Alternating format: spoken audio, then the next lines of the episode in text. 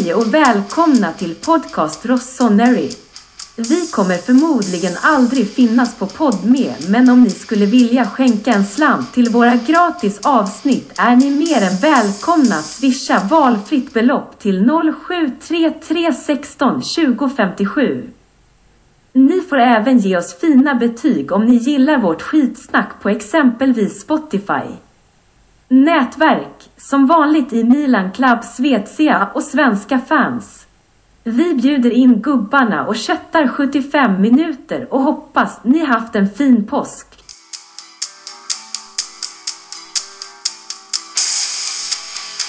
Vi går. Yes, Mackan, välkommen. Tack så mycket. Gurra, välkommen. Tack så mycket. Svårt att säga glad påsk i efterhand, men jag undrar man har haft en bra påsk? Faktiskt. Trevligt. Fint väder blev det här nere i Skåne på påskafton. var 17 grader och sol. Hela långfredagen var det i en ishall. Det är nice. Det är nice. Absolut. Jag hade laboratorievirus från Kina ännu en påsk. Precis samma som förra påsken. Hur skulle det vara om du såg till att tog befäl över din kropp och fick ordning på ditt immunförsvar? Ja, jag trodde tre sprutor skulle räcka men det är svårt att eh, hålla sig från virus i och för sig.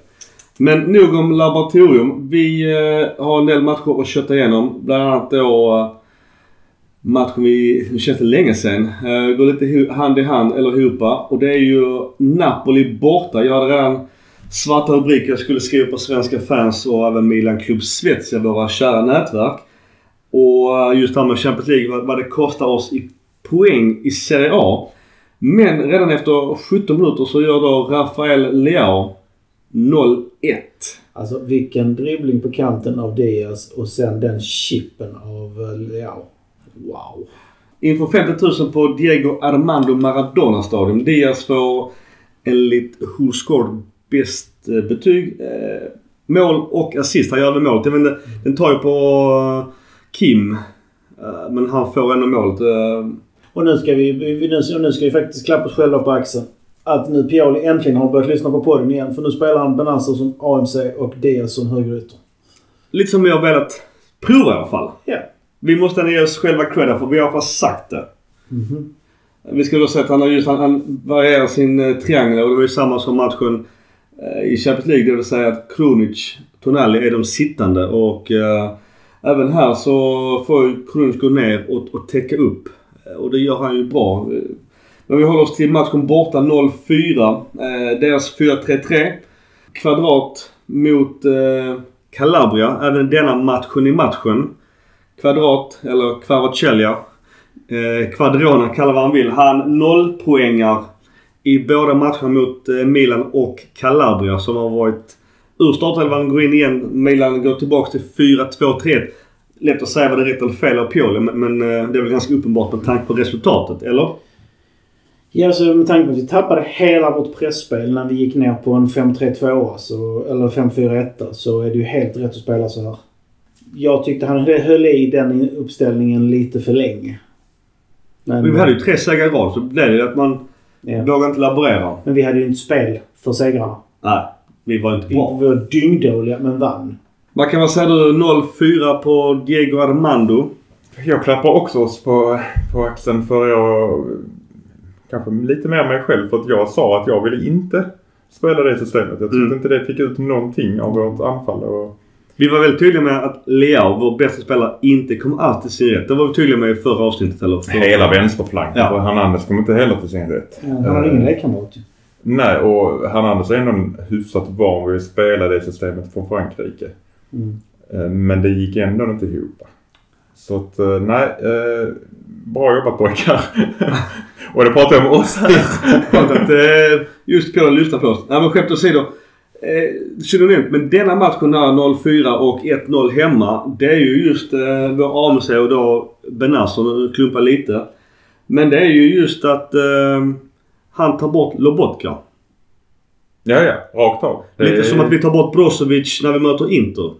Fast vi då faktiskt har Benazer istället för Kessie eller Kronic som faktiskt kan leverera bollar på ett hyfsat sätt runt omkring sig. Inget illa ment till någon av de andra men Benazer har ju mycket bättre passningsfot. Ja, ja. Helt annan teknik. Vi ska ju inte klumpa men jag tyckte han föll ut ur matchen. Om man jämför Champions League-matchen och ligamatchen så märks det. Det märks tydligt på Napoli att de brinner mer för Champions League för de har i princip redan vunnit ligan. Ja. Mm. Sen tycker jag ändå att i ligan så eh, är de ju inte... Alltså de ger ju inte upp. De har ju rätt mycket. De har ju mer bollinnehav. De har rätt så bra press i början av båda halvlekarna. Du tänker på 04 eller? I 04 Ja. tänker jag nu. Ja, men de är inte helt rudis, men de gör ju ingenting Nej, sen så för, de är ju ganska vana vid att de har Osimhen som eh, en target player. Mm. Och har de inte honom så är det lite vilset där. För då har de inga lekkamrater på, på, på deras yttrar. Vi ska säga då att de har ju Quadrana och Politano på varsin kant och då den här matchen hade Simeone i mitten. Simeone var ju skadad inför matchen i Champions League och Politano visar ju tecken med sin kuk mot Milan-läktaren. Han var väl lite grinig att bli utspelade på sin hemmaarena. Jag tyckte vi var väldigt bra. Men jag tycker väl kanske också att Napoli kanske inte riktigt kom upp till den nivå som de har visat tidigare i ligan. Om det är ett medvetet val. Jag tror delvis att det är lite taktiskt. Tror du det? De vill inte förlora med 4-0. Nej. Ja. Men, Nej, nej, nej. men de, bryr sig inte, de bryr sig inte jättemycket om resultatet egentligen. De kan ta förlusten. ni? Ja, de kan ta en förlust. 4-0 var ingen bra match för dem. Moraliskt sett är det ju jobbigt att nog? 4-0 i röven. Inför matchen då, som vanligt, och det är ju om vi klumpar, och det är ju Mike, vår super-Mike. Jag älskar just att han, hur han eldar på i tunneln, tunneln in till arenan. Just det med Go Milan Go. Alltså jag tycker det är så jävla gött. Och det, då ska man bara ta också hans, eh, vilken, vilka mötte Frankrike i landskampen? Där han gjorde ju en super... Irland som Irland. räddar deras vinst. Ja, Deschamps har redan 90 sagt att han är ju solklar etta nu i Frankrike. 92 minut eller vad det var. Ja, den är ju sjuk. Jag såg klipp efter matchen. straff också. Exakt. Och alla de här världsstjärnorna i Frankrike, alla bara sa ja men ta det med Mike. Det är han som räddar oss. Ska bli intressant att se vad PSG gör i sommar. För de har nu uttalat att de ska satsa på franska spelare. Ja. Så det kan nog komma ett rätt maffigt bud på Magnan. Det kommer att kosta mycket pengar. Och då ska vi ha tillbaks vår guldpojke. Mm. Han, bör, han ser redan lite gammal ut fast han redan är född, bara är född 99. Men en annan eh, nyhet då. Leao gör ju två baljor mot eh, Eh, Napoli. Sjukt bra. Eh, innan vi betar av andra målet så då är det nyheter, eller rykte där med den jävla klausulen vi pratat om i ungefär 20 avsnitt eh, som är en huvudvärk. Eh, gällande då eh, när det kommer till Sporting Lissabon och hans övergång till Lille eller allt vad som händer där. Men det sägs väl ändå att en eh, federal domstol i Schweiz har dömt vadå? Att det är Lill som ska betala summan för övergången. Jag vet, alla vet väl vad som hände men, men eh, när eh, han lämnar... så Ja, sammanfattningsvis så lämnar han Sporting på grund av att det var fans som... Eh, Det var flera spelare som gjorde det. det var bara Leo. Det var inte bara Leo. Det var, många som, det var många spelare som lämnade Sporting på grund av att... Det Känns sig hotade. de kände sig hotade. Hade, fansen hade helt enkelt... Eh, De stormade. Det var- Det var stormade ju våldsamt. Det var ju våldsamt på riktigt. Obehagligt. Och det betalades ju ingenting. Han bröt kontraktet ensidigt. Mm. Och det var väl inte helt korrekt. Eller det var inte korrekt helt enkelt. Nej. Eh, sen så har det ju då bråkats vem som skulle betala avgiften. Och nu verkar det som att Lill ska betala avgiften men då går Sporting ut och säger nej vi ska ha hela utköpsklausulen som vi hade. Oj. Det är, sista ordet är inte Nej. sagt än för nu, då, nu tycker då Sporting att de ska ha 45 miljoner euro. Men, men, men. Det är nu vi lutar oss tillbaka, tar fram vår skål med popcorn och tittar på skådespelet när de bråkar. Ja, Men risken är att vi Eftersom kommer vi- bli involverade på något Nej, nej, sätt nej. ju. Nu har de ju dömt att vi är ute i ekvationen. Nu ska, nu ska de slåss om Milan har ju aldrig varit i ekvationen. Nej, Så precis. Milan som klubb har aldrig varit i ekvationen. För det är Leao eller Lill som har varit med i ekvationen. Och nu verkar det som att Lill är de som är kvar. precis. Och nu, och nu låter Och vi, Sporting. och nu låter vi Lill och Sporting bråka och så tar, släpper vi dem. Och Lille har redan rätt ont om cashflow. Så att eh, det kan ju vara väldigt tufft för Lille att åka på Jag denna. kan säga att Lill vill ju att Milan vi ska ska sälja. Leao. Oj, ja. För de får en procent Mm. försäljning. Men det tyckte jag vi sa. Och vi var inte säkra på siffran men det var ganska hög procentuell summa efter en viss alltså, summa pengar. Var det procent ganska hög? Har du sagt det innan jag har kunnat kolla upp det? Ja men nästa gång. Jag kommer inte ihåg exakt men om det var 20% Jag får man du har sagt 20 procent. Jag, jag, är Jag inte tror det är helt- 20, så är det 20 procent så är det 90 procent av fallen 20 procent av vinsten Milan gör när de säljer. från mot när de köpte. Ja, absolut. Så det är inte 20, Nej, det är inte nej. 20 på hela summan. Nej, utan 20% av vinsten jämfört med när vi köpte. Ja. Så säg att vi köpte honom för 20, 30... Någonting. Kommer inte ihåg exakt. 35? 35, säljer honom för 70. Då är det 7 miljoner. Ja. Vi Jag kan fortfarande matte. Och, och, och ni som inte ser, det vill säga alla.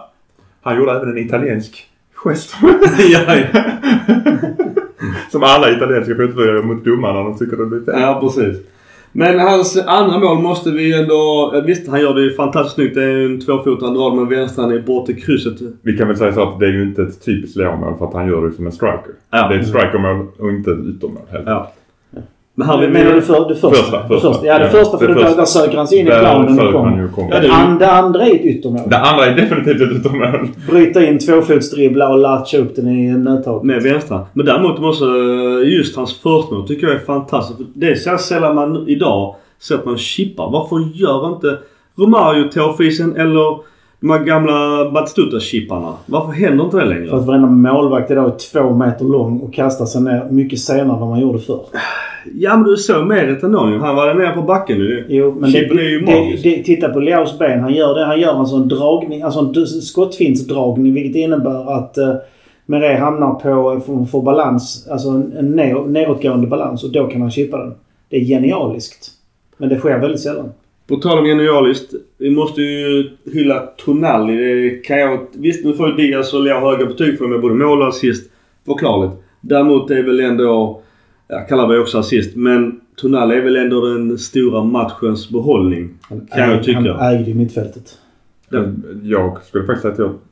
Det, det är svårt att ge Tonali högre betyg än både Diaz och Leo men jag är be- benägen att göra det. För utan honom hade vi inte vunnit.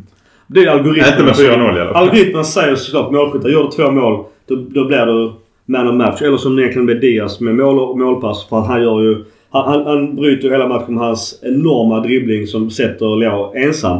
Men om man tar bort allt det algoritmet bullshitet och kör old school så är ju Tonali matchens lirare. Det var liksom så. Jag fick så Gattuso 2003-vibbar från finalen mot Juventus. Gattuso och Pirlo-kombo. Men det, det, om ni tänk, tänker på siffrorna. Så det, vi, det, vi, det, vi, det siffrorna säger, fast de inte säger det. Det är ju att Leao får, gör två mål och får bara 8,5. Det säger att han var rätt osynlig i övrigt. Diaz får 8,7 med ett mål och en assist. Det säger att han var ju lite bättre. Han gjorde fler bra saker.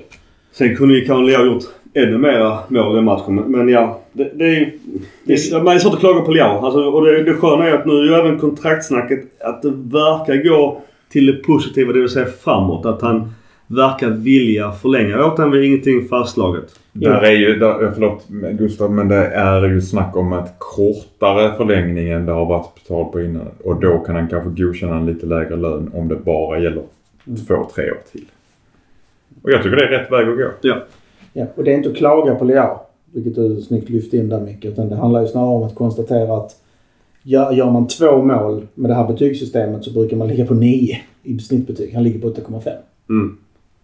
Så att, eh, ja. Ja, men det som jag var inne på, alltså Tonalis oglamorösa jobb. Mm. Det syns inte så mycket. Det syns ju väldigt mycket vid assisten såklart. För det är ju fantastisk brytning. Mm. Han gör flertalet sådana fantastiska Ja. brytningar om vi tänker efter. Ja. Eh, Och inte bara i denna matchen utan gång på gång på gång. Det är fan jätteviktigt jobb. Zelinski, Lobotka och Anguissa. Det är ju ändå tre mittfält som har ägt rätt mycket boll och matcher i årets Serie. Alltså han Guissa måste ju väga i alla fall en och en halv gånger Tonali också. Ja. Och ändå står han rätt bra. Hur fan kan han floppa som du som har kollat på Premier League? Varför, hur kan han floppa så hårt i Fulham? Ja, För att han spelar i full. Han behöver mer svar. Ja men, jo, men alla måste Alltså seriöst! Jo, jag- Vad är det du frågar? Ju just Fulham med så- sånt, alltså dödgrävarlag. Men han borde vara perfekt i den rollen just på det mittfältet. Att han borde gjort ett avtryck utöver det han har gjort. Det, det som jag sagt innan, det är ett annat tempo. Ett annat passningstempo framförallt. Och det är ett helt annat presstempo. Och det är presstempo som nu som är det viktigaste skillnaden. Därför är det många svårt att anpassa till Premier League. Vi har pratat om det här innan vet jag. Eh, Det är, nog, det är nog därför han inte höll det. Men eh, om vi ska fortsätta med Tonali så står jag fast i min tidigare jämförelse. Jag ser honom mer som en Steven Gerrard än som en Gattuso. I och med att han har passningsfoten också. Gattuso var ju en jävla bollvinnare. Men sen så la han en kort till Pirlo som löste det kreativa. Ja, men jag tänkte just Mm. Gattusos final mot 2003. Annars var han ju Ja. såklart en bollvinnare. Ja. Jag skulle nog säga att vi har snarare en Steven Gerrard på gång där än en uh, ny Gattuso. Ja. Och jag skulle vilja tillägga han kanske inte ska lägga alla fasta situationer. Det har inte gått så bra på senare tid. Vi, Mm. jag vet inte. Jag förstår att man vill ha Leao eh, som en, en utmanare vid, vid hörnor. Att han inte han ska lägga dem. Men har sett, han har inte lagt många hörnor men varje hörna han har lagt har varit jättebra. Jag fick lyssna och fråga varför inte Diaz slår fasta. Jag vet inte. Bra låg, jag vet inte. Men alltid är det Benazzo eller Tonali och det är inte jätteofta det går förbi första gubben. Inga, men det kan inte vara för att vi behöver Diaz huvudspel. Nej, definitivt inte. Men vi, eh, vi måste också nämna Alexis Salamakers. Han kom in i 67 Han gör väl sina bästa 30 minuter någonsin i Milan. Alltså bara det att han vågar utmana som han gör. Och sen bara kommer han igenom. Ja, han gör en annan räd och efter ett långskott där han också gör såna klackfinter förbi spelare. Så hans 30 minuter var det bästa jag har sett. Jag måste vara, ja, jag håller med. Men hade det stått 0-0 hade han inte gjort det målet. Nej. Då hade de tryckt honom. Ja. Ja, det är sant. Då hade de tagit en straff där. Alltså istället Ja, för... de har det- du menar gick på straffområdesgränsen. Ja. Mm. Det gjorde de ju mot eh, honom i Champions League. De totalknuffade honom. Det blev ju ingenting då heller. Den, den situationen... Vi kan ta den matchen sen. Ja. ja. Kolla! Jag klumpade inte! Snyggt! Oj! Och framförallt var det inte du som hoppade. Men vi måste i alla fall ändå hylla Selmak. Jag, han, han har fått mycket skit av oss. Eh, Jag vill bara egentligen bara understryka att han gjorde en jävligt bra 30 minuter av eh, de han kom in och visade. Ja. Och det ska han ha som sagt säga credit where credit is due. Um, Sellemakers gjorde det bra. Diaz har ju växt fram enormt. Vi har fler som vi har kritiserat som mm, spelat mycket, mycket bättre. Däremot har vi ju andra spelare som vi eh, tyvärr fortfarande kritiserar och de blir också inbytta och det är ju då Bakayoko. Vi förstår inte alls det. Även lyssnarfrågor. Vi har ju en bra svar på varför han får spela. Någonting i lånekontraktet. Det måste Någonting i lånekontraktet. Eh, De Ketelare, han kom också in i 83 tillsammans med Bakayoko. Han gjorde återigen ingenting. Han var Men jävligt otacksamt. Vad ska du göra när du leder med 4-0 och Jättesvårt. kommer in där? Jättesvårt. De alla övriga spelare Helt färdig. vill ju inte anfalla längre. matchen är död. Så Så det att, står fyra. Och det är samma Divok och Ante Rebic. Det är väl två spelare som återigen en eh, mycket diskussion om att de kommer skeppas i eh, sommar redan. Eh, ryktet säger att Lazio vill ha Rebic. Absolut. Eh, och Milan vill ha... mycket, mycket Bundesliga också. Ja, Wolfsburg snack också om. Alltså, om, Rebic får spela och används rätt så är han en riktigt bra spelare i, i det höga pressspelet. Problemet är att vi har en viss Leao där. Mm. Och vi har ingen sund rotation heller på de positionerna. Så Rebic kommer ju aldrig till sin rätt. Statistiskt har faktiskt Rebic gjort flest mål som anfallare. De, när vi då inte har haft någon ordinarie giro Mm. eller... Mm. Och det, det beror just på det du säger. För han är Leo frisk så får han aldrig chansen som ytter. Mm. Men Jag hade hellre satt in honom än det var Origi på topp till exempel. ja, jag hade hellre haft Origi som, som en ytter. Jag hade hellre haft, haft Origi i en annan klubb. Ja, men det vet vi. Men alltså om du nu har honom, hade Ja. jag hellre spelat honom som ytter än, Ja. än Rebic. Absolut. Nu ska vi inte ta rykte egentligen, men vi måste ändå säga att det var ett rykte som dök upp att eh, West Ham var intresserade av Origi och eh, vi har en viss skamacka i West Ham så att vi får väl se hur vi bygger transfer. Hur mycket måste vi betala West Ham för att de ska ta honom? Jag vet inte, vi får se. Alltså kan vi bara slippa lönen på, vad sa du, Men fyra Skamacka miljoner? har ju inte, har ju inte rosat marknaden Absolut i West Ham heller. Så att det kan, de kan nog gärna bli av med honom. Ja. För det, hans lön är inte heller låg. Så att byta de två och, lite, och, Ja. och vi ger lite pengar mellan det är ju ett bra köp. Ja. För Skamacka är beprövad och jag tror han kommer att leva upp igen om han kommer tillbaka till Serie A. Jag men måste vad tro tror det. ni? Jag ska inte prata rykten nu men... eh, Det gör Och det han. försvann han, namnet. eh, Han som spelar i Tigre i den sydamerikanska italienaren som spelar i landslaget. Ja, Retegui. Retegui. Ja. Ja. Det har varit rykten om honom också. ja. Mm. Han gjorde ju mål i landskampen med för Italien. Jag vet inte vad som hände med ryktet om VA. För den, uh, hans Ja. kontrakt går ut i sommar. Ja, vi ser vad som händer. Det, det, Maldini kan ju rent krasst förhandla kontrakt med honom nu. ja. Kanske han har gjort. Ja. Jag ska bara tillägga att min son och jag såg matchen tillsammans. Napoli-Milan i ligan. Och när Selmakers gör 4-0 så sitter min son här, Pappa, vad händer? Vem är det pappa? Ja. Vem är det? Det han är nio år gammal. Det är han den värdelösa högerytter som, som, har hitt, som har hittat ett frö. Ja, fick upp ögonen. Och måste, vi måste ju, som du var inne på också, vi måste ju belysa Calabrias att ta ju bort Kvara Ja. helt. I båda matcherna. Det, man ser hur frustrerad Kvara blir. För Ja, de sista 10 minuterna försöker inte han hitta passningar inte, utan han försöker göra enmansshow. Vi stängde honom helt. Ja, och han blev utbytt i Champions League-matchen. I, i åttonde. Helt bort ju. På tal om ja, Leao och Ja, Theo. jag kan ta den. Ja. Boll, offensiva bolltransporter så är, leder Kylian Mbapp, P eller... Ja, Mbappe. Mbapp. Eh, han, har, han har transporterat bollen i offensivt 1315 meter den här säsongen. Tvåa på listan eh, är ju Theo Hernandez på 1110 och Rafael Leao trea på 1083. Fyra är Neymar på 1037. Det är alltså Champions League det handlar om. Och femman. Femman är Vinicius Junior. Det är ju ändå väldigt... på Eh, 985. Så det att de har transporterat offensiva bolltransporter på över en kilometer är ju riktigt bra på de eh, sex, eh, åtta matcherna. Hitta någon som är back där. på offensiv. Ja, det, är bara Theo som är back. Men han är inte back, han är vänsterkant. en Serginho. Ja, men det säger ju mycket om vår vänsterkant. Att den håller ju faktiskt världsklass. Problemet är att den är lätt att plocka bort. Eftersom vi inte har någon högerkant. Även Den här... hade vi ju faktiskt. Ja. Ja, jo, nu, Nu nu, hade vi det ju. jo, men nu har vi börjat få högerkant. Ja, men vi, vi lämnar Napoli...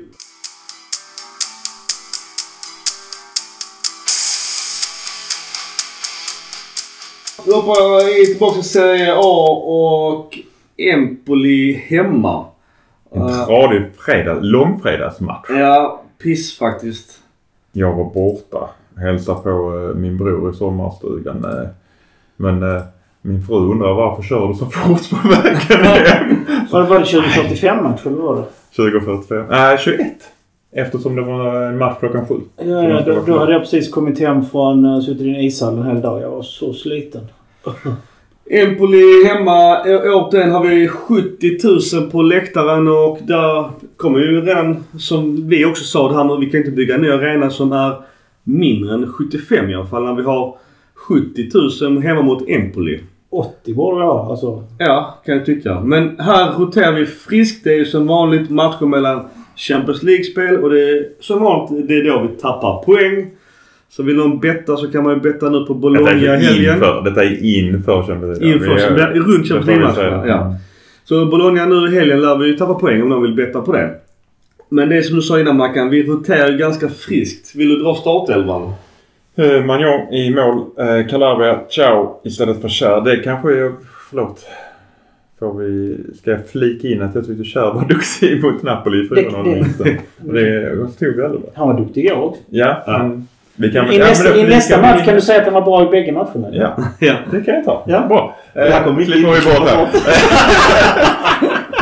Laguppställning är Magnon i mål, Calabria, Ciao, eh, Tomori, Hernandez. Eh, där är ju väl då egentligen en ganska ordinarie backlinje. Ja. Eh, innan Kär var helt frisk och återställd. Mm. Fjärr är... eh, Och Kalulu är skadad. Så vi alla är med Ja. på det. Tillbaks nu. Tillbaks nu i träningen. Mittfält eh, Tonali på Bega eh, och sen har vi Rebic, Rebic som vänsterytter, Benazer som eh, AMC och Salamäki som högerytter och Origi som anfallare. Vänta, Så det är När väl... du gäspar så försök dämpa det. För det, det fångas upp. Har jag gäspat? Ja, tre gånger. Så det betyder ju att... Micke, när du kliar dig på armen kan du göra det som en mjukdel på handen istället för naglarna för det hörs hela vägen hit. Sh, Fortsätt Mackan. Så det betyder att vi byter ju en... Egentligen byter vi kanske ut en 4-5 startspelare. Ja. Om man ska jämföra med matchen mot Napoli. Och jag tycker inte det är riktigt rättvist. Jag, jag förstår varför. Det, det behöver man inte ens få säga att du dumförklarar mig för att jag inte fattar det. Utan, men jag tycker inte det är rättvist mot Origi till exempel. Jag tycker inte det är rättvist mot Rebic. Jag tycker inte det är rättvist mot Povega heller. För din poäng är att du vill ha rotation med, med, med färre på samma gång. Ja, för att du måste ju, för att komma in i det sättet som vi spelar måste du spela med tio andra startspelare. För att hitta rätt. Eller i alla fall de tre runt din position måste vara detsamma. Så du får samma passningsvägar, löpvägar. Du lär känna dem, du får alltså, en synergi i spelet. Precis.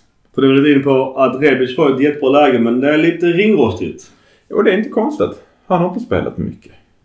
Och det, visst, det är kanske, man kan också säga att det är dåligt för det är delvis dåligt att skjuta rakt på målvakten i det läget. Men han, han vänder ju bara om och skjuter i princip. Ja, och någonstans nu ganska stressat att han måste leverera.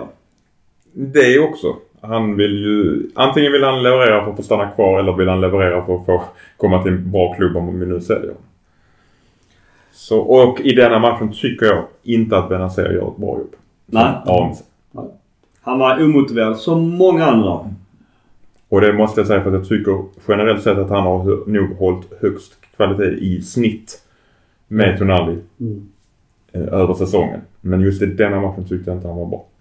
Han blev utbytt redan i 62. Eh, Calabria också. Vet inte varför Calabria utbytt. Eh, Florenzi kom in och Diaz där. Sen så byter vi även in då Giroud och Leao istället då för Rebic och just Origi i 70 För då var det lite... eh, rätt så dåligt. Paolo Zanetti, hans eh, handbollsförsvar, tyvärr lönar sig. Sent att flytta, göra de bytena där. Man satt och väntade länge på det. Ja, jag tyckte nog 10 minuter tidigare i alla fall. Sen måste vi ändå ta upp eh, den här uh, Hansen Giroud. Eh, den är väl rätt? Helt rätt. Ja. Mm, men Men vi har sett situationer, typ Udinese förra säsongen när de gjorde liknande och blev godkänt på den. Men vi, vi har ju pratat om det här att man, det där är ju första regeln man tar fram som inte gynnar offensivt spel. För att om den bara touchar en anfallares, en, en offensiva lagets arm, hand, motsvarande. Även om det är hans eller inte så får inte målet godkännas som blir mål i situationen. Och Men regeln är... Udinese fick ju det. Fick de ett sånt mål? I förra året ja. Ja, men vi kan inte, alltså... Ja, men vi det- pratar, det, att, rätt ska att, rätt, att det var fel gör ju inte att det här också ska bli fel. Nej, men jag tycker bara att det är bittert Ja. att, eh, man inte, återigen, att det inte finns en konsekvens i bedömningen. Det är det jag tycker är så här fittigt att jag kan ta att Girouds mål inte blir mål. Men likväl som jag är lika förbannad som i fjol när Udinese gör mål mot oss med ännu mer tydlig, tydlig hand. Så sen kan jag tycka det är lite småhumoristiskt att, att Giroud med sina polare efter matchen står och pekar på sin tröja och liknande. För, vad fan, kan de inte reglerna? Det, det är ju en hand. Det, det säger vi också. Men Giroud verkar mena på att ja men kolla med mitt armveck, där borde gränsen gå. Alltså, så funkar det inte där. Man har ju fan spelat med linje i så fall ju. Men det som jag sagt till dig innan, fotbollsspelaren kan inte reglerna. Nej. För att de står och skriker på saker och tror saker, det, det, nej, bara lägg ner. Acceptera vad domaren säger och bara gå därifrån. Frågan är om man har haft VAR-challenge om, om Empel hade tagit den. Hade de gått på den? Eller? Empoli. jag tycker, alltså om de hade fått göra det menar? Ja. Om inte varummet själv hade gått Ja. Ja, för då har de en kille som sitter på videogranskningen som ringer ner och säger “Challenge”. Ja, det tror jag de hade haft. Klart, att så funkar amerikansk fotboll när de får challenge. Då sitter ju videocoacherna med 38 kameravinklar och, och ringer ner och ber dem utmana besluten. Vi måste ändå ta Origi för att eh, nu fick jag ändå... Alltså återigen, kan vara hårt säga chansen. Och han tog kanske inte chansen. Även om jag är inne på ditt spår Mackan. Att spela då med nya spelare kring sig. Men han har fått mycket kritik efter den matchen. Det är ju snack om att man ska låta ut honom i stort sett i sommar. Och han... Jag vet inte om han själv inser det för han verkar inte jättetaggad. Eller? Jag ser samma Origi som jag har sett så många gånger innan. Att det är något som saknas och det har jag sagt hela tiden. Alltså han har ett jättebra skott och han, har, han är snabb. Men det har alltid varit någonting som inte har stämt i hans spel och vi ser det ju så tydligt här nu. Han, det händer liksom ingenting. Det är lite blasé allting. Visst, ge honom öppet mål så sätter han den. Ja, det hoppas jag. Ja. Men alltså kolla vilka mål han blev legendarisk i Liverpool med. Jo, det var han stod framför målvakten och fick århundradets passning av Trent Alexander-Arnold och bara kunde lägga in den i öppet mål. Det är ju det som han är mest känd för. Ja. Att utmana försvar, hitta löpvägar, se öppningar. Det har aldrig varit hans grej. I alla fall inte de senaste tio åren. Och vi kan faktiskt göra Financial Fair Play plus på honom eftersom vi tog honom gratis. Vi kan ju faktiskt till och med få en hacka om inte han byggs in i en deal. Och då får vi gärna, återigen Premier League gärna för då kan vi faktiskt täcka hela lönen så vi slipper att dras med hans lön. Men Mackan, eh, återigen 23 skott mot mål. Inte alla på mål. De har två i deras handbollslag. Empoli, jag visste inte att de spelar handboll i Empoli. Men eh, Florenzi är närmast i virket. Annars är återigen ineffektiva. Eller är vi bara dåliga på att skjuta? Eller är vi bara omotiverade? Kombination. Men vi har ju otroligt svårt mot försvarande lag. Ja. Varför kunde vi göra fyra mål mot Napoli? Jo, därför att de ställ, parkerar inte någon buss. Nej, de spelar inte handboll. De försökte ju spela som de gör Mm. Även om de gjorde kanske något sämre än i vanliga fall. Att det är synd bara att det lönar sig. Jag förstår Paolo Zanetti att han spelar handbollsförsvar. Jag kör på det. Men det är synd att de får med sig poängen. En annan spelare som vi ska nämna det är Baldanzi. Jag ställde frågan på Twitter där. Jag, han var ny för mig. Jag vet att Milan har varit lite intresserad av honom. Nummer 35, ung eh, offensiv mittfältare. Jag tyckte han var direkt dålig mot oss. Men det är ju inte heller lätt när han spelar handbollsförsvar eh, på egen planhalva. Men han ska tydligen vara någonting att ha lite under uppsikt som man säger. Alltså det är ju en talang men han har ju typ två säsonger till på den här nivån innan han börjar hålla nivå för att kunna gå över till oss. Så det skulle vara att köpa honom och låna ut honom kanske eller något sånt. 20 år, 1,70. Ja. Eh, men vi har en annan situation i matchen som vi måste diskutera. På tal om VAR. Eh, Theo han blir ju kapad på linjen. Har vi rörliga bilder på det? Det försvann. Ägarrätten försvinner. Och Det är ju, Passini klipper ju eh, Theo på linjen. Eh, YouTube. stillbilder är tydligen... eh, You- Youtube måste det finnas. Ta fram det på Youtube. Nej men det tror fan Youtube finns det på. Men vad... Alltså det tror jag inte. Jo då. Ja men den är ju där. Ja, den där. Va? Ja, den är ju där. Ja, den- Noll, noll. Den Ja men översta. vi har det Det säger har. jag. Highlights har vi redan här. Det har redan sett. Nej, inte den highlightsen. Är den inte med på highlights? Den är inte med där? Nej. Och det är klart, hade han gjort mål på den hade ju alla jublat. Mm. En situation ska inte vara det som är avgörande. Det är lite det som är grejen. Att det, Skitsamma. Vi kan ta det. Men jag, är, jag tyckte det var väldigt svårt att se på rörliga bilder var. Vad säger du om straffen?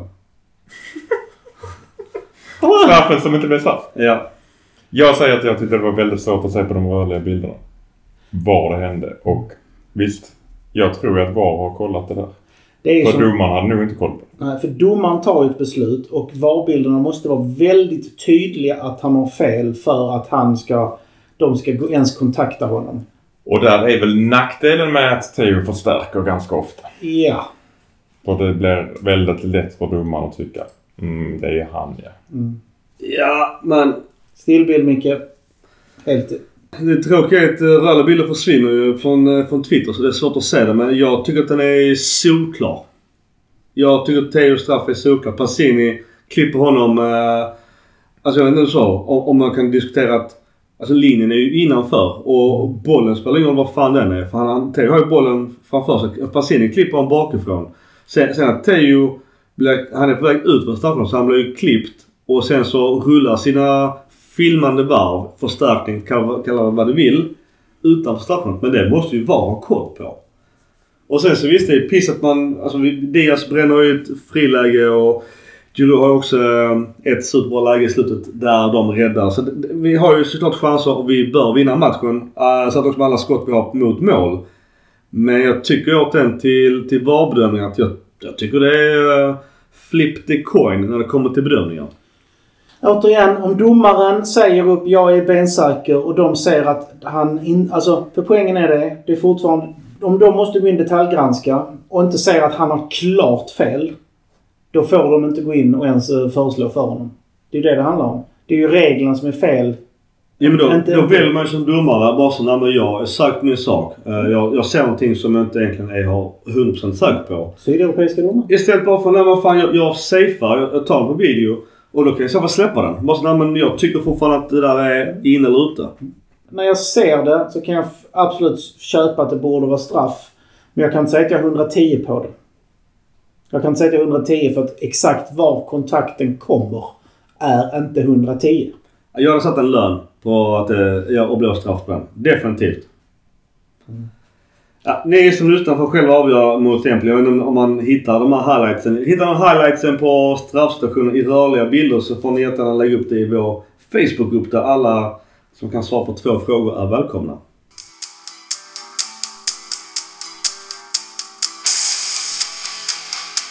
Då går vi tillbaks till Champions League och hemmamatchen mot Napoli igen. This is Milan och tifo. Jag eh, frågar på Twitter just vad det står på eh, tifot. Nelle just det. nostro mani il nostro destino. Någonting med Our Destiny. Vänta, ta fram den där. Det, det är inte så jävla svårt. Vårt öde ligger i våra egna händer. Något sånt där fick jag svar från, eh, från Twitter. Det är, det var, Mackan, du som också gillar tifo, åsikter? Alltså det är fantastiskt. De använder hela arenorna i princip. Om jag, nu, om, jag nu, arenan- om jag nu tvunget ska vara lite negativ så jag tycker fortfarande det är snyggare utan banderollerna. Mm. Det, det, är, det är snygg banderoll. Alltså det är inte så. Men jag tycker fortfarande det är coolare när man använder publiken. Ja. Men v- vad ska den här bilden... Alltså att den röda jäveln i bakgrunden är rätt uppenbart. Men den här lilla narren. Är det Osimhen med masken? Nej, han är ju inte med oss men. Nej men... Han får representera Napoli. Eller vad- jag förstår inte vad den här narren ska representera. Ja, Nej men jag vet inte om det ska vara en narr eller om de bara ska vara rädda för oss. Ja. Och det är mäktigt ha ena kortsen har man ju Champions League-bucklan och just sjuan där. Det är ju ändå ett litet fuck you till ja, egentligen alla utom Real Madrid. Ja det är rätt mycket fuck you till alla i Italien i alla fall. Ja. Som oh, nu, nu har vi varit i semifinal så här många gånger och Milan har vunnit fler gånger än vad ni någonsin har kommit vidare till semifinal. Så att eh, ja. Och Mackan, antal skåde, skådespelare. Spectators. Han var en skådespelare.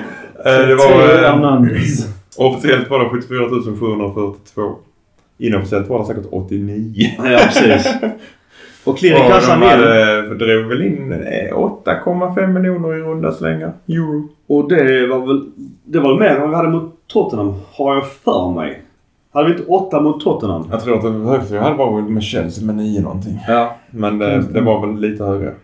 Nu ska man inte gå händelserna i förväg, men om eventuellt Milan skulle möta Inter i en semifinal så undrar jag om man kan spränga 10 miljoner euros gränsen. De kan sätta vilka priser de vill. Jag tror också det. Alltså, lite så. Jag tror folk är beredda på att lägga 150 euro uppåt. Det är väldigt viktigt att både Milan och Inter sätter samma priser tycker jag. Ja, ja. Det får de faktiskt komma Men överens om. Milan får inte vara dyrare och Inter Nej. Nej. det där. Det kan bli grisigt i så fall. Mm. Även om det blir grisigt men de kommer ändå såklart sälja ut San Siro. Oh ja, såklart.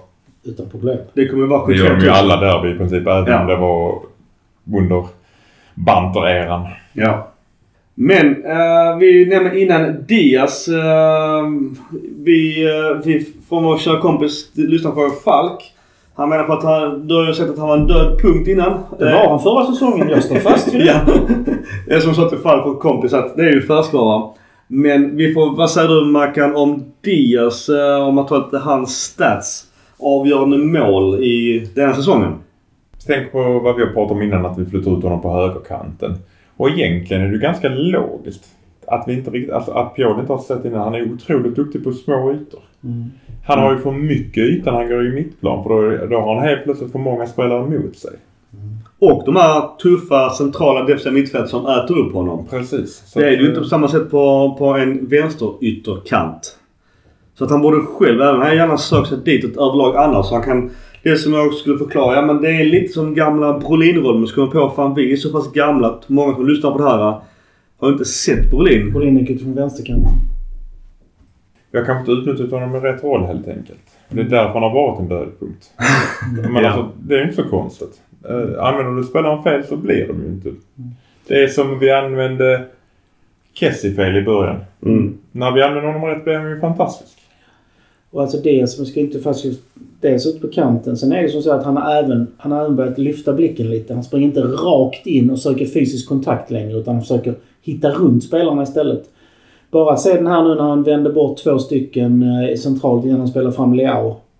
Då, då, då går han emellan dem. Där har han innan sökt en kroppskontakt och så har han åkt i backen och blivit av med bollen. Det var Champions League mot Napoli. Precis.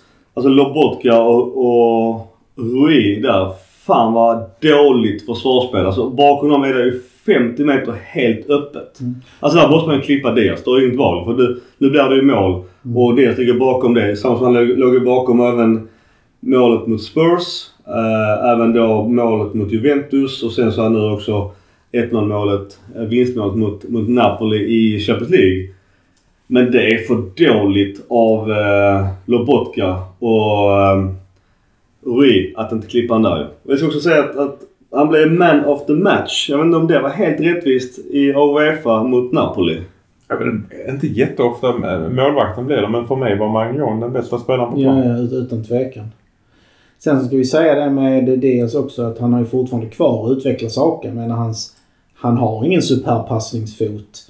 Hans skott är inte jättebra. Men nu har han fått, nu har han fått koll på bolltransporterna och det är ett jättesteg på vägen. Ja. Och det är det som gör att han är, att, och han börjar se situationerna rätt. Det är ju det som gör att han har lyft sig så pass mycket. Ja, och äh, där är ju så, där är såklart utvecklingspotential. Killen är ju ung. Det är inte så att han är 33, han är 23. Ja. Och nu vill ju Milan också, trots hans insatser, vill de ändå alltså, pruta på priset som redan... Jag vet inte vad som är fast eller inte. Men jag kan tänka mig att alltså Real Madrid, med tanke på hur mycket pengar de har, så kan vi nog köpa loss honom sen för den här fasta på 27 miljoner euro. Eh, visst, då gör Milan ändå en vinst på allt från 5 till beroende på var det hamnar. Men jag... Men jag har lite svårt att se på vilken plats han ska ta i dagens Real Madrid. Exakt, exakt. Eh, Och är han själv beredd? Visst, han kan inte säga så hemskt mycket. För Real Madrid äger honom. Ger Milan 27 så kan... eh, Ja, så, har, så, så är det upp till Då är det vi, ja. Absolut. Men Men 20, 22 har vi. 22 har vi och 22. de får köpa på 27. Ja. Precis. Och då, då är det också upp till Då, spelarna. ja.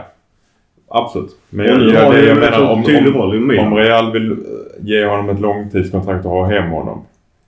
Jag undrar om han vill det själv. För jag tror inte, han får inte spela någonting i Real. Ja. Inte i dagens Real eller? Då ska han peta Rodrigo på högkanten. Nej, det gör han inte. Alltså jag hade hellre fått Rodrigo i Milan. Om jag ska välja. Ja. Vi kan byta. Ja, rakt av. vi, vi, rakt av. Vi lånar honom rakt av man. Ja, precis. Men du, Med samma klausuler. Kovasa, Ko- Kovacic, Kovac, Kovac. Svårt ord. Domaren han delar ut eh, tre kort till oss. Rumänen. Några fler, jag tar inte hans polare, några fler till Napoli. Nu satt jag och kollade på engelsk TV men jag fick ju höra via Twitter att det var lite humor att Mellberg satt i studion efteråt och visst, han har ett Juventus förflutet ska sägas. Eh, Bittert men att han satt och raljerade på ett sätt som var nästan lite patetiskt. Ja, och, och det, det är helt skrämmande för att alltså, jag tror tre av eller fyra av de där korten är taktiska frisparkar. Mm. Solklar det vill säga. Solklart. Alltså, det- det finns liksom ingen förhandling i dem. Någon är för rena överfallet bakifrån. Det är inte heller något att tjafsa. Det är Kim som gör ett överfall bakifrån när han nickar. Och sen, Ja. sen, ja men sen också att han klagar ju på På frisparken. frisparken. Jag, vet, jag är osäker på var han... Jag vet faktiskt Nej. inte vilken anledning han fick det gula där. Så alltså, jag, jag säger det att inga av korten som delades ut i den här matchen kändes fel. Och Calabria borde veta, även, även om hans avsikt var bra, så kan han inte stå på planen och i princip skälla på domaren. Då, och märker man att det är en sån match, då tar man det sen utanför om man har för de här frågorna. Har ni läst förklaringarna? Ja, och jag, jag, han borde veta bättre än att sätta sig i Ja, situationen. men, men dra det för de som inte har koll på det. Ja, men, säg du då Gustav vad du tror. Nej, men, Vad du har läst. För att jag har Eh, läst Jo, olika. för, för tydligen, tydligen så hade domaren under matchen sagt att VAR inte fungerade den här matchen, att kamerorna var sönder. Och då gick han fram efter matchen och, så- och sen helt plötsligt hade han sagt att det fungerade. Så de visste varken ut eller in och då hade han gått fram till domaren efter matchen och ifrågasatt detta. Och det meningsutbytet där re- resulterade i att han fick ett gult kort. Jag kan förstå att man som kapten undrar varför kollar ni inte VAR-granskningen på Sädemarkers? Mm. För Men- det finns ju några som bilder kapten som... tycker ja. du ska ha tillåtelse att gå och säga det. Skälla och vad han sa. Ja. Använder han fel ord, köp att han får ett gult kort. Ja, men han, han kör ska ha inte, rätt. han kör inte Rebic-snacket. Det Nej. tror jag verkligen inte. Men han, men då om, alltså, om man nu märker att domaren är uppe i varv och så vidare. Då tar man inte det på planen inför kamerorna. Då tar man det ner i katakomberna sen, letar upp, frågar vad hände där egentligen? Löser det snyggt. Där uppe, när han går fram, inte går därifrån. Jag tror han sa att fjärdedomaren försökte ta väck honom. Han Det var fjärdedomaren han pratade med. Det var inte domaren han pratade med. Ja. Det var fjärdedomaren han pratade Ja. med. Men det gula kortet, det ska han skämmas för. Han ska inte sätta situationen. Oavsett hur orättvist Ja, det är. jag håller inte med det Nej, jag håller inte med det. Ja. Han har inte alls med det. Han är kapten. Han har rätt att ta den diskussionen. På plan till och med. För domaren pratar själv med båda kaptenerna. Då har han rätt att ifrågasätta. Funkar inte kamerorna? Då är det något som är fel här. Nå- något mer måste ju ha sagts än bara det. Eller Ja, gjorts. jag, vi vet ju inte. Nej. Det är det jag säger. Jag, jag säger att han har rätt att ta diskussionen faktiskt under matchtid till och med. Lagkapten har ju inga speciella re- regler egentligen. Sen kortet i sig Utom det- utom det Det, det påverkar ju inte Calabria och Milan ändå. För att han är inte avstängd. Till skillnad från Anguissa och då eh, Mini-J. Alltså det vill säga Kim. Och det... Nu har de fått tillbaka oss män enligt Spalletti som också bölar som fan. Och dividerar med att ja men är det tyst även i nästa match hemma mot Champions League så kommer han bli vansinnig och det kan jag ju för sig förstå. Men han kommer dock behöva spela utan Anguissa och Kim och det är ju ändå defensivt ganska stora avbräck. Däremot har han tillbaka um, Osimhen. Ja, vad sa jag? Men äh, utan Kim Jo, jag menar så att det... De, de, de, får, de tappar ju defensivt men de får mer offensivt. Så det vet man inte hur bra Osimhen är när han kommer tillbaka från skador direkt. Jag skulle säga att det är genialiskt gjort av Theo Hernandez eh, vid andra gula kortet. Han vet om att det kommer att hända. Ja. Det, alltså han, han, det, är, det är väldigt planerat. Det är ett helt korrekt gult kort. Ja. Och lika dåligt av Anguissa Ja, alltså det där. är helt rätt. Men, Han har kort. För Theo vet ju att han är Ja. slarvig Däremot, ska Jon Anders ha gult kort för han, när han rullar åtta varv och skriker som han höll på magen och avsparkad. Jag vet inte hur ont det gör att få en spark i magen när du springer så snabbt som han sprang. Ah, ja, det känns som han förstärkte rätt bra. Han försöker alltid. Men det hade man gjort. Alltså, det hade jag också gjort. Möter du spelare som är duktiga på deras mittfält och han har kort sedan tidigare och du är förbi honom. För rent, hade inte han sparkat ner Theo där, då hade han haft en ocean bakom nästan likt den som Diaz fick. Så att jag menar, Ja. jag åt den till det taktiska. Helt- Såklart. Ja, ja. Och jag åt den bara för att summera det vi började med innan. Mellberg är ju en jävla pajas. Alltså vad fan håller han på med? Han gör ju bort sig. Källström säger emot honom direkt i studion. Ja. Tack Och tycker att Källström, tycker att det var helt rätt kort. Mm. All, alla korten. Och det enda jag ska säga på domaren är att han släpper otroligt mycket i första. Där han dömer för allt i andra. Ja. Det är väl den jag kan tycka är... Men sen, igen, men på skillnaden var att spelarna här klarar inte av det. Han la en hög ribba och var konsekvent på den. Sen klarar inte spelarna av det och gick över gränsen ytterligare. Det är därför han måste börja vifta med korten. Men och jag kan förstå Spalletti. Jag kan... Jag hade köpt om Leao fick ett gult kort. För att han Sparkar sönder. ja. Men varför Ja. Leao gjorde det? Jättemärkligt. Han är ju sur för att han missar chans. Jo, såklart. Han, han har ju Men fel det, det var ju inte... Om du tittar på vad som händer så är det ju inte meningen att sparka sönder flaggan. Det ser ju illa ut för det är ju tusen bitar där i en flagga. En jävligt dålig plast kan vi väl säga. Verkligen. Han, han ska ju ha det för det, det vet vi. Så- Men det på tal om eh, gula kort. Det blev inte mycket av det eh, kring Kjärs supernick i ribban. Eh, också sägas också Krunic har ju... Han, man märkte ju att Spletti hade gjort läxan för han fick ju ta mycket boll i den matchen till skillnad från förra mötet. Och fick gå ner, gå ner rätt långt i eh, plan för, för att möta upp eh, och spela för det.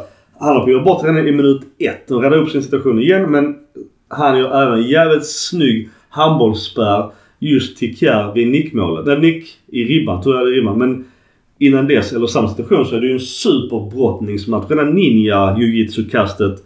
Som uh, Mellberg inte säger så mycket om. Alltså jag, det skulle jag, jag tror inte att VAR funkar. Jag tror I den heller. situationen. För tittar man på de bilderna. Det är överfall. Re, returen där. Alltså det... Ja, alltså den är ju straff. Den är ju tydligare. Men som sagt, är, är det som så att domaren inte ser det, det kan jag köpa. Absolut. Och är det som så att VAR inte funkar, då sitter vi där vi var innan VAR. Sådana situationer missades. Och det... Vi får, Det är jävligt jobbigt när det är Champions League. Ja. jag, vet, jag, säger, jag säger inte att det är rätt. Det handlar om 25 miljoner euro bara i kvalifikation. Jag säger inte att det är rätt. Jag bara konstaterar fakta. Ska vi sen gå in på hur vi spelar generellt? Vi försökte samma taktik som i ligamatchen. Vi märker att Napoli är mycket mer på. De pressar mycket högre. Jag ser ogärna Kronic som spelfördelare. Det var rent taktiskt från Spalletti. Det gjorde han ju bra. Stäng, stängde Tonali. Ja, det, det var jättebra gjort av Napoli. Men för det går inte så bra helt enkelt Nej. när Kronic ska göra de bollarna. Då säger jag hellre att Kjär tar dem. För Ja. han kan. Eller dra ner Benazer och flytta upp Kronic i den pressen. Precis i så fall. Mm. Men då den missar vi passningsfoten högre upp. Och det läste de också ganska fort ju. För de ville ju gärna, för de märkte direkt första halvtimmen på Tomori var det sämsta jag sett av honom. Han var usel första 30. Och det såg Napoli på sa. Ge Krunic bollen och Tomori. För Tomori var helt ur gängorna. Och därför fick vi inga uppspel. Alltså det, var, det blev ju, när det blev farligt, det var ju nästan när Mike drog långboll just till Leao. Där han då sen kommer förbi och skjuter precis utanför. Vilket också Åh, den Ja, det är jobbigt. Det, det är fel fot, hans vänstra. Det, är- det handlar om två decimeter kanske. Meret är inte ens nära där. Ja, det är frågan om inte faktiskt... När man ser det i efterhand så kanske han skulle försökt vänta en halv sekund och ge det som en pass till Juro istället som kommer Ja. bara någon meter bakom. Det är ju lätt för mig att säga i och för sig. Gör inte Giroud så här också Jo, efter? Han men- är så jäkla ensam. Men jag, jag får säga att Spadetti gjorde ett bra jobb. För han, vi spelade inte bra. Nej, det var inte bra. Vi var inte så var inte bra. Sen så blev vi bättre sista kvarten i den första och de sista 20 minuterna. Men det är inte så konstigt. Eller inte rättare sagt inte de sista 20 minuterna för vi var ganska dåliga när vi var en, en man mer. Ja, märkligt nog. Det att nu går för 2-0 men vi Ja. blir ju sämre. Där, där går ju Mike in och räddar oss i två jättebra lägen han räddar. Precis. Så att jag, jag skulle säga så här att jag tycker kanske vi ska försöka göra någon rotation på rollerna i för AMC och att Crunch tar den rollen bara för att vara spelförstörande högt upp i plan. Just med, jag vill bara säga det, just med Kun, eller Giroud. Han, det är ju mycket snack om att han ska förlänga. Han vill ju själv förlänga ett år till. Och det, det fanns också ju sekvensen när Benazzo då tappade Lobotka. Då fick ju åt det här otacksamma jobbet. Då fick ju Giroud göra det. Gå ner i en position och ta bort Lobotka. Och det, alltså det, det är sånt som inte syns varken i betyg eller liksom omdöme. Men det är ju helt avgörande för Milan och defensiven att ta bort Lobotka. Och inte Benassa på plats. Så han var inte jättebra den matchen förutom målet. Giroud gör det jobbet ju. Och det är ingen som märker det. Nej, men, men det är ju som vi har haft innan när Kronic gick ner sen på stängde Brozovic. Det här, Kronic är ju jättebra i det här spelet att stänga ner offensivt. Det har han ju visat förr. Så att, att ge honom den rollen i returmötet hade ju varit klockrent. Och jag tycker, som jag var inne på i vår interna chatt igår, att om vi inte, alltså om vi envisas med att spela ut från backlinjen. Vilket vi gjorde i kanske 85% av matchen. Varför har vi Jiro på plan? Jiro gör ett bra jobb. Du är inne på det rätt. Han går ner och hjälper till i försvar. så. Men om du inte ska använda honom som target player. Mm. Ha en, då hade jag hellre haft Rebic där. För det ni vi var inne på, pressspelet.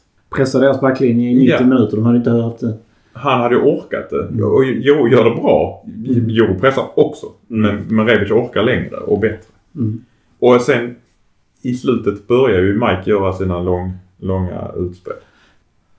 Sen var ju ganska tydligt också att, som ni, vi var inne på, att, att Spalletti hade gjort läxan. Han överbelastade högerkanten. För då flyttade vi över och sen så var det en långboll till Kvara som skulle göra det själv. Men det hade han inte. Det var ju väl en gång han gick förbi Calabria och då var Kronic där och redde upp det. Mm. Rent försvarsmässigt är det svårt att klaga. Ja. Men vi gör det ju bra. Det Om man ska se tidningarna från Italien, La Gazzetta, Corriello och Tutto Sport så är det ju många söner matchen är fortfarande helt öppen. Att det kommer att avgöras såklart i Neapel. Och Det blir tredje matchen på vad är det, tre, fyra... Det är inte lite sådär eh, självklart. Kommer, kommer, kommer, kommer matcherna... Kommer det? Kommer det? Ja, det gör det nog. Ja, hade det varit kanske 2-0 istället och två avstängningar på startspelare så kanske det hade varit lite mer dead end. Spalletti börjar ju såklart och det måste han väl göra. Han försöker sätta press på retur. Ja, såklart. Det ska han göra också. Det är hans Ja. jobb ju. Ja. Vilka är det i Milan som eh, har ett gult kort från en avstängning? Stryks inte det inför semifinalerna? Jag tror inför semifinalen kan det göra men det var, jag vill relatera till denna matchen att det var viktigt. Jag tror att det var Tonali. Nej, vilka är det som har det? Jag vet inte vilka som låg i farozon. Mm, dålig koll. Jag får mig också att, eh, jag vet inte om det var Lobotka, låg väl också i farozonen på att eh, bli eh, eh, avstängd. Men nog därför att han släppte Diaz när han fick sin ocean. För att det var ju, annars var det sämsta försvarsspelet jag har sett. Mm. Men någonstans för att summera alla korten. Då just Zelinski får också kort. Kim får då sitt avgörande kort. Eh, Ramani får också kort. Lorenzo får kort och Anguissa får kort. Fyra Milan-spelare. Du att bli avstängda? Vilka då? Tonali, Tomori, Kronic och Fodo Balotore. Som var i riskgrund till returen. Till retur. Ja. Ja, hade, Sen de, hade, de fått gult i, uh, igår så hade de Ja, varit men strykt korten till semifinalen. Det kan du bäst av alla, Gustav. Vet du det? Jag har för mig det. Men, Det är rätt märkligt att man gör det egentligen. Ja, man, man, man gör det i VM och EM i alla fall. För, nej, men det handlar ju om det att nyckelspelare har varit avstängda som exempelvis Ballack i VM-finalen 2002 ifrån tog sitt... Att, alltså te- inte Roy Keane. Det är han Champions League från 99 när han, eh, på grund av Jesper Blomqvist som var till med i, i den här podcasten. Att han fick täcka upp för Blomqvist och ta ett kort och missa då finalen mot Jo, eh, Bayern München. Men VM 2002, Ballack rensar ju på mållinjen, eller tar ett gult kort och hindrar så de gör som de går till final. Mm, Och så är det avstängning i final mot Brasilien. mm. Avgörande. Mm. Ja, ja, i alla fall. Det var ju bra att ingen av våra tongivande spelare... Ja. Att om Fodo Balotore hade fått det på, på bänken hade det kanske inte gjort någonting. Eller ja. Nej. Bara för det hade Hernandez blivit skadad. Ja, precis. Men... Nej, det står här att nej, de stryks inför semifinalen. Men gör det. Mm. Och då kan vi kan någonstans, vi ska inte gå händelserna i förväg, men däremot så är det ju en annan kvartsfinal på vår sida. Och det är våra kusiner som mötte Benfica borta dagen innan. Och jag såg faktiskt inte mycket av den matchen. Jag brukar inte se på Inter annars. Eh, Men jag blev förvånad av hur svaga Benfica. Jag trodde Benfica skulle passa Inter jättedåligt. Men eh, Inter var klart bättre taktiskt. Helt överlägsna och 2-0 borta. Så de är ju... Har ju nästan båda fötterna i semifinalen. Räknar aldrig bort ett portugisiskt lag. Ja. De kan vara hur bra som helst, de kan vara hur dåliga som helst. Så att det är livsfarligt. Övriga matcher, vad kan man säga om dem? Föga förvånande att Real Madrid vinner hemma mot Chelsea med tanke på vad Chelsea har hållit på med på senare tid. Ja. Jag såg delar av City Bayern och det var väl... Jag ska inte säga att det är förvånande men, men City har, eller Bayern har ju också bytt tränare nyligen Mm. så att det... Det har väl, sätter säkert sina spår men jag tror det... Där ska man inte räkna ut Bayern för hemma kan de mycket väl göra fyra mål. Ja, ja. Men det har varit lite väl stora siffror. Jag har läst rapport om att det blev väl eh, full pott för Citys utdelning. Alltså, Ja. jag, jag såg den matchen och ja, det blev lite stora siffror. Att eh, Sadio Mané och Leroy Sané hade bråkat eh, innan så Mané, Sadio Mané inte var med spelar ju roll. De har lite obalans i truppen. Eh, Han Bayern, är avstängd nu tydligen. Man är. ja, det finns inga bekräftade grejer på det. Bayern har stängt av honom. Ja, det är bara rykten än så länge. Okej. Eh, Men eh, det blev lite, sken iväg lite för mycket. Bayern borde kanske ha haft något mål men eh, City vann rättvist, så kan jag säga. Ja. Borde kanske vunnit med ett eller två bara, men alltså. Men det sjuka är att andra sidan Inter i semifinal, Napoli, Milan. Alltså det... Det blir ju nog ett, med stor sannolikhet, ett italienskt lag i, i final. Och det sjuka är ju att... eh, Ja, vi ska inte säga för mycket. Vi får ta det när det kommer. Men eh, avslutande ord om, om matchen hemma mot Napoli. 1-0. Vi har ännu fler chanser kan jag tycka. Med lite tur så Kjells nickmål, nickskott. Jag tycker det är rättvist att vi vinner för att vi har betydligt vassare chans. Och det märks att Napoli tappade huvudet. Om det var eh, med alla varningar och de kändes inte riktigt i balans. Men alltså om det var för att de på två matcher i rad fick stryk eller någonting annat. Men de var inte riktigt där kändes som psykiskt. Eller mentalt. Det är, ju- jag tror att de... Alltså, Jag- Du är lite inne på det med, när du har pratat om Liverpool. De har kört samma elva. De har kört 14 spelare som har, har och, och varit friska i princip hela tiden. Och nu har de en spelare borta som är otroligt viktig för dem. Och då kraschar det lite grann. Kommer de ha två till nästa match minst? Ja, och vi vet inte vad som är ens status. Nej. Jag tror att vi skulle kunna ha rätt så bra koll på honom också. Vi kan säga också att de har ju Elmas nummer 7 som deras nia. Och det är rätt stor skillnad på oss men nu är han tillbaks tyvärr. Ja. Eh, Lozano hade ju Hernandez i bakfickan också. Eh, han var nästan gråta. Han vill ha straff. Och där kan jag tycka att det är ett skämt om det blir ett straff. Alltså, många sa ju också faktiskt under matchen och efter matchen att, att eh, de styrde matchen helt som de ville, Napoli. Men jag tror inte det var så stor skillnad i bollinnehav till exempel. Jag tror det var 56, 5, något sånt där. 53. 47 53. 53. Så att... Ja, men jag, jag menar, jag tror faktiskt generellt sett mot spelförande lag vi, är- det är egentligen bra att vi vann och att de behöver anfalla. För vi får mycket mer chanser till kontring. Det är Absolut. det, de omställningsspelarna vi har. Ja. Och nu när Diaz har vaknat som omställningsspelare också. Så att jag, Vi skulle bara haft en snabb anfallare. ja, det hade ju varit att föredra. Ja. Om vi har Giroud så är han ju faktiskt väldigt stark i straffområdet. Oh ja. lyssnarfråga. Prispengar. Det trillar ju in cash i vår Champions League-kassa. Vad säger du Gurra? Går vi till semifinal så får vi... Bara det att vi gick till kvartsfinal gjorde att vi fick 10,6 miljoner euro extra. Och det, nu pratar vi inte publikintäkter och eh, allt som händer runt arenan. Bara prispengar från ja, Uefa. Bara så att vi är tydliga. Plus att vi får... Går vi till semifinal, hoppas hoppas, får vi 12,5 miljoner till. Sen är det som så här att det finns en TV-pengar-koefficient som bygger på massa märkliga saker. Bland annat så är det får du ofta mer pengar om du har vunnit din liga året innan. För då är du högre upp i den här koefficientrankingen. Så att vi kan ju räkna med att vi i alla fall har en mellan 15 och 30 miljoner euro till på väg in i någon form av sån här TV-pengar koefficient. Just på TV-pengar. Om man sett på Malmös eh, när de var ute för några år sedan. Då var det inte många andra lag från Skandinavien och den Skandinavien-potten. Så där fick ju Malmö typ allt. Det- om man nu ser... Nu, nu har jag inte jag på Serie A i sig. Men nu får vi dela rätt mycket TV-pengar just med Inter och Napoli.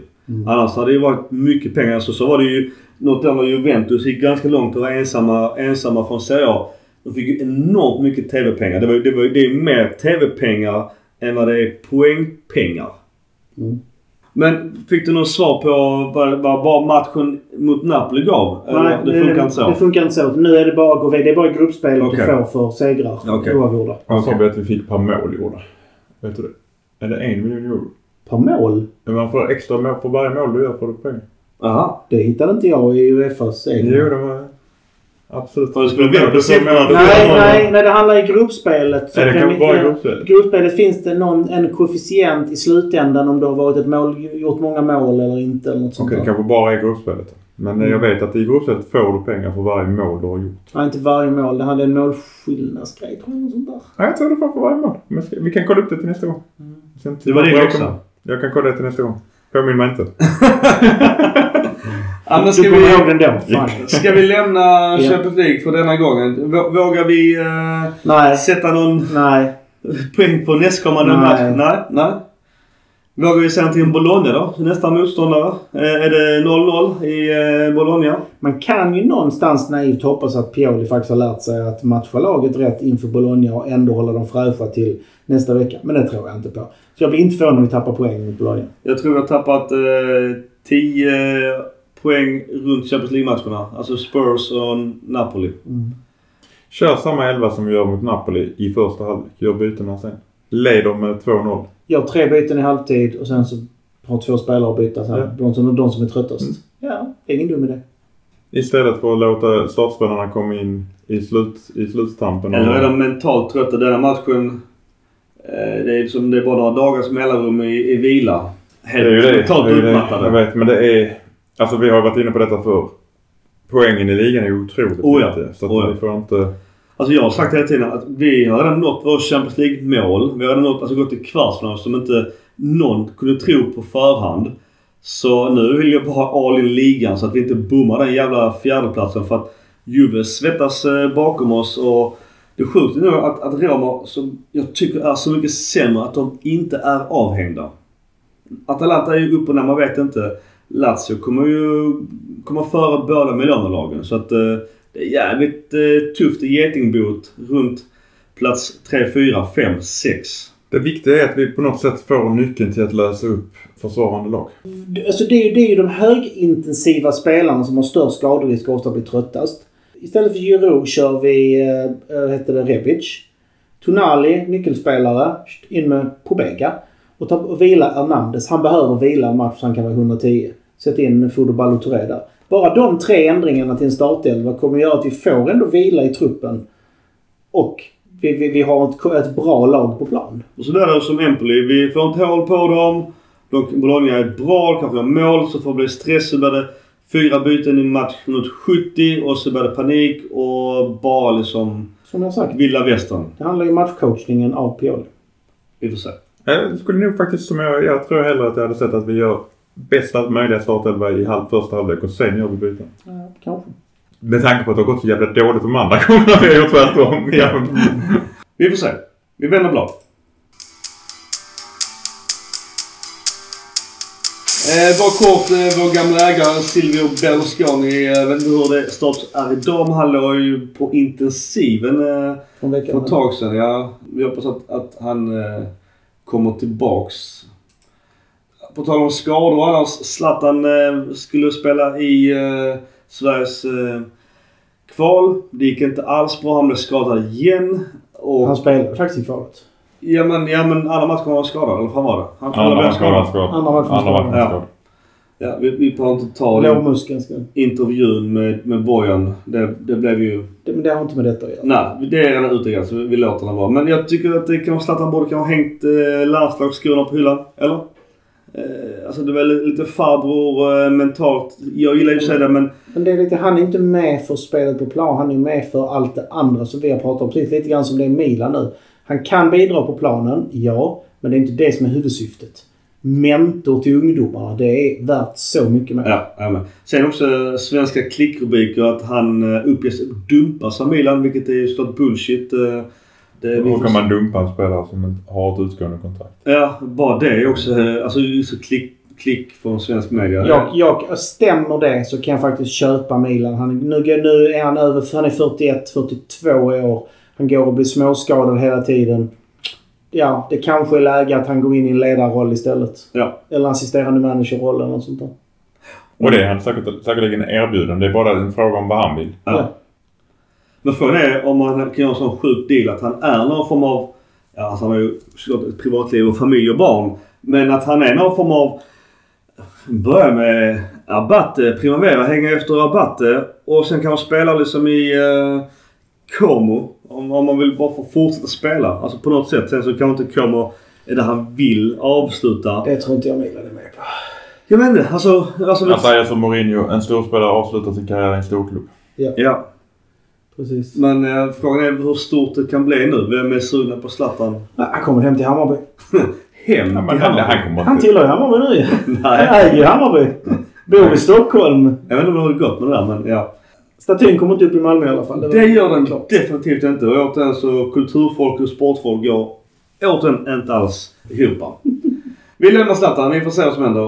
Eh, vi var lite inne på arenan tidigare och det var väl tjatigt men eh, det, det är fortfarande snack om en lyssnarfråga här med eh, La Maura eh, området. Det är inget nytt egentligen, eller vad säger du Mackan? Alltså det har kommit... Efter vi hade senast spelat in och vi pratade om det området som de då ville flytta till eller bygga på. Så har det kommit nya rykten som säger att det där kommer det ut på tiden och då helt plötsligt säger vi att då bygger vi utanför stan. då. Ja. Mm. Och jag tror att Cardinal är väldigt, väldigt sugen på att bygga nu. Jag tror Jag han... tror han arbetar väldigt hårt på det. Han vet ju att det är där pengarna ligger. Sen var det... Ansett inte Italien om VM eller EM 2036 eller något liknande. Det är långt bort. Men då måste de ju fräscha till sina redan. Likt ju till VM 90. Alltså det har inte hänt någonting sen dess stort Mm. sett. Det är bara Juventus tyvärr. Eh, annars... Eh, nyhet. Det är inget nytt i nu när vi spelar in det här. Men det blev ju lite clown kalkon och Conte då. Jag vet inte om det beror på just matcherna mot Milan men han eh, bad mer eller mindre få sparken. Han- Hans intervju var ju väl... Ja, alltså viralt YouTube-klipp. Det var uppfriskande med manager som faktiskt sa vad han tyckte om ägaren. Ja. Och, det, och alla som någonsin haft någonting att göra med Tottenham. Vi hörde någon annan manager som har varit där som bara ja men så är Levi. Det är bara att inse liksom. Men han ville få sparken det, Ja. uppenbarligen. Och det fick han ju såklart efter. Och då kommer ju frågan. Hade ni tagit, nu förstår jag löneaspekten såklart, men han har velat se eh, Conte i Milan. Han ryktas vilja gå tillbaks till just Serie A. Nej. Gurra? Conte eller Pioli? Man vet ju vad man får med Conte. Man vet att man får eh, en bra matchcoach. Man vet att man får en, en, en coach som levererar resultat. Eh, kan Pioli sluta med de här, de här genomklappningarna och svagheterna som kommer hela tiden så är det en jättebra coach. Men han visar ju gång på gång sina svagheter i att eh, i hälsosam rotation i truppen. Alltså i slutet på säsongen ser vi ju resultatet av det tyvärr. Ja, jag Så att, jag, jag, kan, jag kan mycket väl tänka mig ja till Conte. För... Ja, ja den är... Jag är inte, jag är inte helt anti i alla fall. Jag, jag säger också blankt nej. Uh, innan vi tar hit en shit, uh, vårt nätverk Milan Club Svezia, de eh, uh, söker skribenter. Så är någon intresserad av det så är ni uh, alla välkomna att uh, kontakta dem. Gurra, du är med i Svenska fans redaktion Milan. Det är dags för dig att börja leverera. Det är tomt på ditt skribentkonto. Nej, jag har skrivit en grej. Nej, det var... Det räknas inte. Aha, okej. Det är VDR. Det var Mackan, du var också med på den. Så det är, inget, det är ingen publikation. Så vi räknas inte det vi gör? Jo, det är Mackan räknas men du som... Mackans räknas. Men, men han är utanför redaktionen. Ja, Du är ja, med i ja, redaktionen. jag vet. Men om du, du kan komma in och ta hand om lite av mina ärenden på jobbet så kan jag sitta och skriva istället. Vi löser absolut. Eh, Skriv under med ditt namn. Nej, men det kommer. Jag har, jag har en eh, krönika på gång. Jag kan, jag kan ju bli, lämna en blänkare här. ja. Eh, Divock, luftslottet Origi. Oj, spännande. Men vi vänder blott till sista delen i Hit and Shit.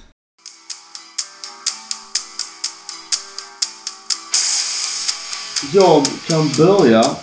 Shit är... Jag har sagt det förr. Jag är orolig när det kommer till alla poängtappen kring och runt vår Champions League-matcher. Jag vill se att eh, Bologna blir eh, överkörda av ett Milan som helt går in och stänger den snabbt och vill ta tre poäng. Säkra upp den jävla fjärdeplatsen för nu börjar det faktiskt dra ihop sig. Det är inte många matcher kvar. Jag tror vi är inne i, vad är det, omgång 30 nu till helgen va? Ja. Så då är det bara nio matcher kvar med den. Eh, och efter de här 38 omgångarna så ska vi ha topp 4. Annars är vi ju faktiskt fucked. Eh, hit är ju såklart att vi eh, tvålar till Napoli. Alla såg dem som kanske Europas bästa lag ett tag ju. Vi har 5-0 på två matcher. Och eh, det båda gott inför returen att eh, oavsett vad hur tufft det är att möta Napoli så har ju faktiskt de pressen på sig att de måste vända 1-0 för att gå vidare. Uh, och det passar ju vårt kontospel kanske ännu mer för då kan vi faktiskt ligga och lurpassa. Så att jag tycker att, eh, jag ska inte säga för mycket, jag, jag vågar inte jinxa för då blir det feterångest. Men pressen är på Napoli. Så det är min hit. Hitten är att vi har satt oss i ett bra läge i Champions League. Vi har fått igång vissa spelare. Det är kul att se Kjär är tillbaka och faktiskt är tillbaka, alltså i bra form. Vi har Tonali som är hur bra som helst. Benazer som högerytter och framförallt Diaz som faktiskt lyckas som högerytter. Och det är jätteskönt att se. Shitten är tyvärr att eh, Pioli återigen missar i den här rotationen av laget. Och jag tycker fortfarande han är svagare som matchcoach. Han har svårt att förändra en matchbild både med byten och ändra spelsystem och så vidare. När vi har ett självspelande piano så är han jättebra på att underhålla det men det är något som saknas lite grann. Man kan... Sista ordet Mackan. Yes, hit. Mike Magnon. Eh, så många poäng vi hade haft med med honom om han hade varit frisk hela säsongen. Där kan ha varit uppe och nosat på Napoli. Ja, vi hade i alla fall varit över Lazio, Ja. Skulle jag säga. Och det är inget ont om Tatarosano. Utan det är bara det att Mike... Jag sticker ut hakan och säger att han är topp två av målvakterna i världen just nu. Han är rankad, eh, om man ser på transfermarkt, jag tror sjätte. Och det är tuffa målvakter framför. Men jag tycker också han är alltså fantastiskt bra. Kontra är värderad högst av alla. Så att, eh, men vill Ja, du, men det är baserat på historiska bedrifter tror jag. Jag tänker på just formen just nu. vill du berätta varför du tycker att han är bland de bästa? Eller? Du bara För att han konstaterar. För att han räddar bollar. För att han spelar i Milan? Ja. Nej. Han räddar bollar. Nej, men, han, men alltså, de reflexräddningarna är fantastiska. Mm. Ja, jag tycker så mycket- snabb han är i reflexerna, det är galet. Jag tycker mycket det är att hans spel med fötterna. Alltså Milan har ju en helt Kombinationen. Ja. Det är väl lättare för Kjär, Tomor med flera att ha alltså Mike. För att alltså, återigen som du var inne på. Tatar gör bra jobb, bra linjemålvakt. Men du har en, nästan en libero du kan spela bollen till. Man, man ser också det när, när Mike har bollen. Det är ingen som attackerar honom för då vet spelaren det är inte lönt. Men, men när Tatar har bollen får pressa direkt ju. Då blir det ju tjong. Precis. Och jag är, min shit är, är lite lik Gurras. Eh, men jag skyller inte det på Pioli för jag skyller faktiskt på att truppen, våra truppspelare håller inte bra eh, nog kvalitet. Och jag skyller egentligen inte det på någon heller utan det är bara ett konstaterande. För Men- att anledningarna till varför vi inte har bättre trupp finns säkert, det kan vi förklara i en hel avsnitt. Men som, Gustav vill göra det nu. men, men, som du själv, men som du själv säger, när det väl roteras så roteras det ju 6-7 spelare. Och inte en eller två. Så man borde, det är det jag menar med hälsosam rotation. Ja, men jag, jag vill då lägga min shit mer på att truppspelarna generellt har för låg kvalitet. Ja, vi behöver bättre B och C-spelare. Ja. Och det jobbiga är, jag tyckte ändå att inför säsongen att det vi köpte in, visst det var lite spännande och lite lovande. Men det kändes ändå som att vi höjde vår lägstanivå. Men tyvärr har vi inte gjort det resultat, resultatmässigt i alla fall. Men det är också, alltså det, olika säsonger, är, det är skitsvårt att jämföra. Men Milan spelade nog något sämre. Det får vi väl erkänna. Men sen finns det ju andra lag som faktiskt har spelat betydligt bättre än de gjorde fj- fjolåret. Ja. Mm. Så att det är Napoli. inte bara ja, Napoli, men även Roma. Lazio också. Lazio har faktiskt vunnit mot alla topplagen. Juve det- bättre i år. Juve är bättre år ja. Ja. Absolut. Så det är inte... Utan poängavdraget har de legat tvåa.